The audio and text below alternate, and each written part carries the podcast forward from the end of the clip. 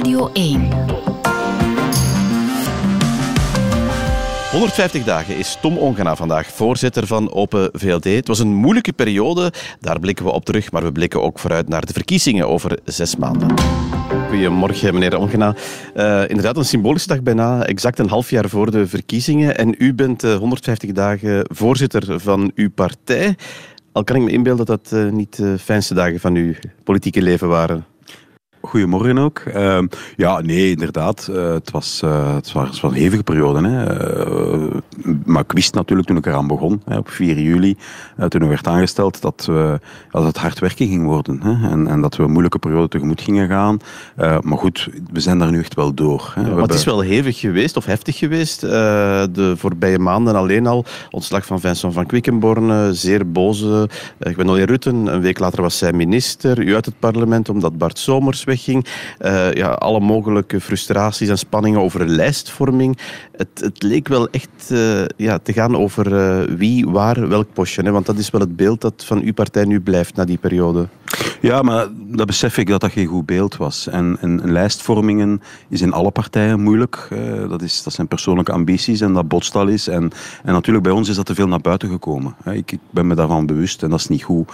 Maar uiteindelijk, als ik nu kijk naar het resultaat, ja, dan, dan ben ik daar wel fier op. Ik denk dat het zijn moeilijke periode geweest. We hebben twee moeilijke ministerwissels moeten doen. Maar we hebben wel twee keer de juiste persoon op de juiste plaats gezet. Met Paul van Tichelt op veiligheid, wat een belangrijk thema is, ook voor mensen, zeker in, in Antwerpen hebben de juiste persoon gezet. Ja, en als ik kijk naar Gwendoline Rutte, ja, heeft meteen eigenlijk uh, mee dat stikstofakkoord onderhandeld, wat ze door en door kent, een heel belangrijk akkoord gemaakt. Ja, en als ik nu het nieuws zie, is er ook in geslaagd om die hervorming van, van het statuut van, van ambten, overheidspersoneel in Vlaanderen, om dat ook te moderniseren. Dus ze heeft ook, ik denk dat de keuzes wel de juiste waren. En als ik dan kijk naar de lijstvorming, ja, dan stel ik vast dat twee op drie van onze lijsttrekkers nieuwe mensen zijn. Ik heb bij mijn aanstelling ook gezegd, we moeten die partij ook vernieuwen. En dus als ik nu kijk, twee op drie nieuwe lijsttrekkers, is dat een belangrijk signaal dat we ook onze partij aan het vernieuwen zijn. Ja, u bent overtuigd, de kiezer blijkbaar toch nog niet, hè? want er was deze week uh, de peiling van uh, de collega's van het Nieuwsblad en de Gazet van Antwerpen. Ja, dramatisch is dat toch, als, want uit die peiling zou blijken dat u in de provincie Antwerpen, maar dat is wel de, de belangrijkste kieskring waar de meeste zetels uh, verdeeld worden, niet eens de kiesdrempel haalt. Hoe komt dat binnen, zoiets? Ja, dat is natuurlijk, daar word je niet vrolijk van. Maar langs de andere kant word je daar wel strijdbaar van. Um, want ik, ik geloof echt wel... Wat had u daar rekening mee dat dat effectief uh, zou kunnen gebeuren? Ik, ik geloof niet dat het dat zal zijn. Mocht ik dat geloven, dan was ik er niet aan begonnen. Uh, we hebben een moeilijke periode achter de rug, maar ik voel toch ook heel veel strijdbaarheid, ook bij onze mensen. We, we gaan nu echt de komende maanden, want het is ook één les dat je moet leren uit peilingen en vooral ook Nederlandse verkiezingen. Heel veel mensen beslissen maar heel laat. In Nederland, één op twee kiezers heeft eigenlijk pas de laatste week beslist. Ja, dat, betekent... dat, is, dat is zo, maar uh, wat in Nederland ook gebleken is, is dat die twijfelende kiezer dat hij vooral voor partijen kiest, zo niet uh, alleen voor partijen die het heel goed doen. De partijen die het minder goed deden, deden het nog slechter dan in die peilingen. Dus dat zou ook een teken kunnen zijn. Ja, maar voor mij is het toch vooral um, een teken dat, dat we nog heel veel mensen kunnen overtuigen.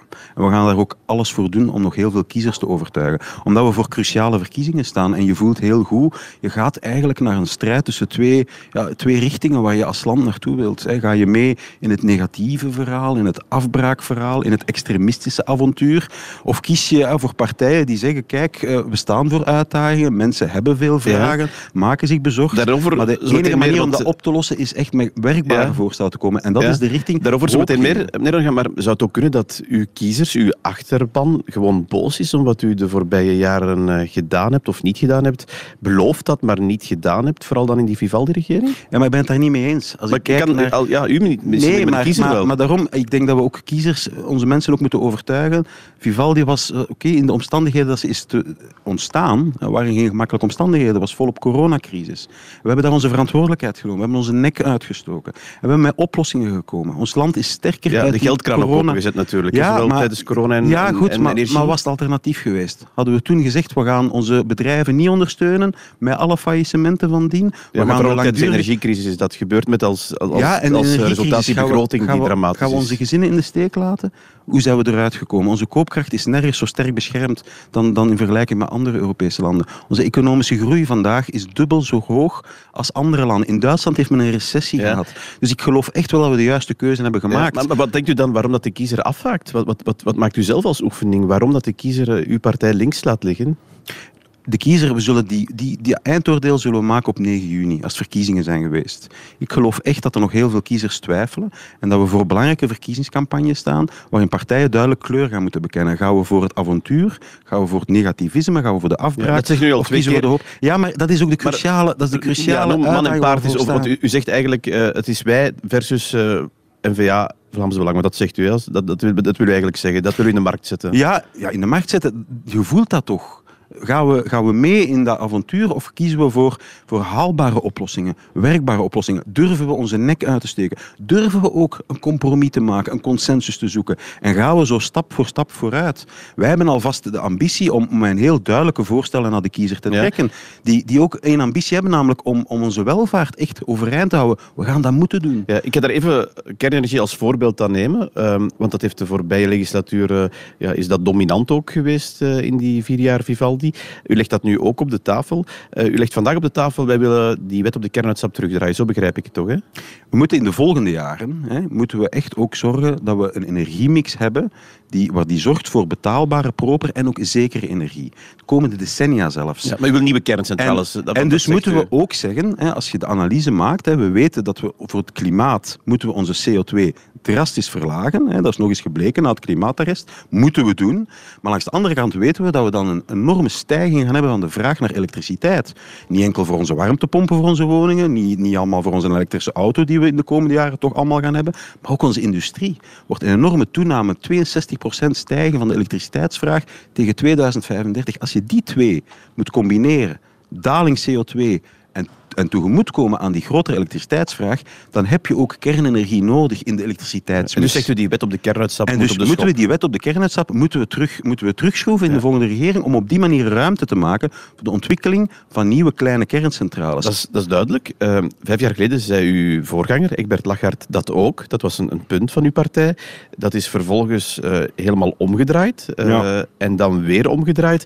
Ja, maar, snapt u dat het wel moeilijk is om daar de richting maar, die u zegt, om te weten, klopt het nu? Zal, zal het volgende de wereld, legislatuur ook zo zijn wat u nu zegt? Meneer Van Droomboek, de wereld is natuurlijk enorm veranderd. Ja. We hebben de inval gehad van Rusland in Oekraïne. Ja, maar en toen hebben we allemaal vastgesteld, iedereen heeft gezegd, we gaan gascentrales bouwen. He, ook, ook, andere partijen zeggen, kom, we hebben gascentrales nodig. Maar ik denk dat iedereen ondertussen er ook van overtuigd is, ja, alle eieren in één mandje leggen, namelijk in de hernieuwbare energie, en proberen de, de, de leemtes nog op te vullen met gas, ja, hebben we gemerkt, gevaarlijke keuze. Dus moet je dan durven ook bijsturen. En dat hebben we dan ook gedaan, hebben gezegd, kijk, we hebben ook kernenergie nodig. En ik lees vandaag Tine van der Straten in de krant, die eigenlijk ook een opening maakt. En ik ben blij dat ook bij Groen, voor wie dat dan natuurlijk een heel belangrijk punt is, dat men daar toch ook begint te, kijken van, we hebben misschien, om onze klimaatdoelstellingen te halen, hebben we misschien toch ook wel kernenergie nodig. Dus ik, ik ben blij dat we daar in de juiste richting aan het evolueren zijn. Ja, u zegt zelfs Groen is, is in die richting aan het kijken. Betekent dat dan, eh, als, als u eh, naar een volgende regering kijkt, dat u zegt, eh, de partijen waar wij nu in de regering mee zitten, dat gaat eigenlijk goed? Dat zijn ook onze bevoorrechte partners?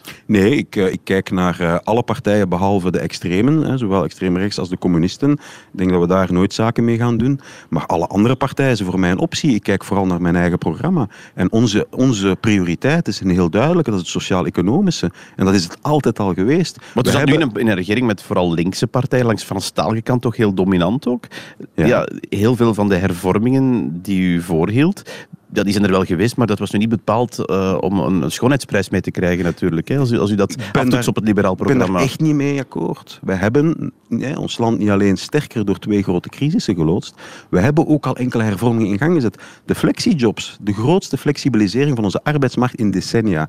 Maar vooral een antwoord, een heel concreet antwoord op heel veel bedrijven die geen volk vonden. En ook heel veel maar mensen ik heb het over arbeidsmarkthervorming, pensioenhervorming. Maar dat is een arbeidsmarkthervorming, hè, de flexijobs, de flexibilisering van onze arbeidsmarkt pensioenen. We hebben 300.000 zelfstandigen een hoger pensioen gegeven.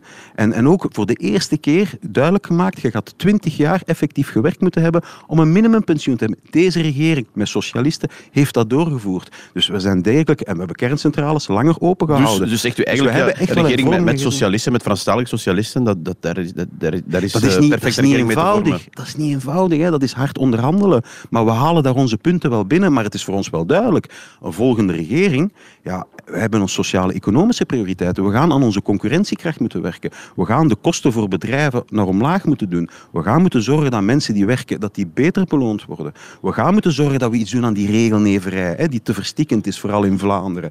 En we gaan ook meer mensen aan de slag moeten krijgen. We hebben daar heel duidelijk plan. We leggen daar een heel duidelijk plan voor op tafel, een welvaartsplan. En we kijken naar wie wilt met ons daaraan meewerken. En daar zou natuurlijk, logischergewijs, zou NVA daar een bondgenoot kunnen zijn. Maar dan moet de NVA natuurlijk wel een keuze maken. En het is dat dat mij vooral vandaag niet duidelijk is. Gaan zij voor de welvaart? Gaan zij voor het sociaal-economische? Zijn zij mee onze bondgenoot om die belangrijke hervormingen in de komende regering door te voeren? Of kiezen ze toch voor het avontuur van het confederalisme en de splitsing van het land? Als dat tweede is, daar doen we niet aan mee. Want dat betekent dat we weer een jaar en langer in een politieke impasse gaan zitten. En dat vragen zeker bedrijven corona, zeker nu niet. Meneer was iedereen het wel over eens dat de staatsstructuur zoals die nu is, dat die eigenlijk niet, niet goed werkte. Dus een, een, een hervorming, is dat iets wat u dan zegt, dat gaan we toch niet doen? Ik denk dat corona heeft aangetoond dat, dat het wel kan werken. Hè. Dat men, het is moeilijk, Ja, maar men heeft maar wel samen rond de tafel. Er waren heel en men veel voorbehouden bij die structuur natuurlijk. Wat de staatshervorming betreft, ik denk dat we moeten kijken waar het hier en daar moet aangepast worden. Wij kijken naar de responsabilisering van deelstaten, die vandaag te weinig is. We weten dat de federale overheid ja, wel heel veel geld binnenkrijgt, maar meteen heel veel moet doorgeven aan onder andere de deelstaten. En eigenlijk zelf meer en meer in die financiële nood komt. Haar kerntaken, hè, veiligheid, justitie, politie, maar ook defensie, moeilijker en moeilijker kan, kan realiseren. Dus je gaat naar een grotere responsabilisering moeten gaan. Plus twee, wat ons betreft, je gaat ook democratische hervormingen moeten doen. We gaan ook moeten snoeien in politieke instellingen. Laat ons die Senaat nu ook eindelijk afschaffen. En ook democratische hervormingen. Maar dus een staatshervorming ligt wel, ligt wel degelijk op Er de zijn agenda. elementen van een staatshervorming die we mee moeten nemen, wat ons betreft graag. Maar we moeten vooral zorgen dat we vanaf dag één ook met die sociaal-economische hervormingen bezig zijn. Belangrijke sociaal-economische hervormingen gaan we moeten doen. Als ik vandaag spreek met FOCA, met Essentia, met andere sectororganisaties, die zeggen me allemaal één ding. Let op, we gaan een moeilijk, er komen moeilijke maanden aan. Onze economie onder druk komen staan. Dat kunnen we toch ook Nee, niet veroorloven dat we dan als natuurlijk, politiek zeggen, we doen niet mee, we, gaan, we geloven Ja. er allemaal niet meer in, rien ne va plus. Dan laten we die mensen en ook die vele jobs en heel die veel gezinnen, hun koopkracht, laten we dat Er investeren. komen natuurlijk ook eh, moeilijke tijden aan omdat de begroting zo helemaal ontspoord is. Hè? Maar de begroting, natuurlijk zit die niet goed.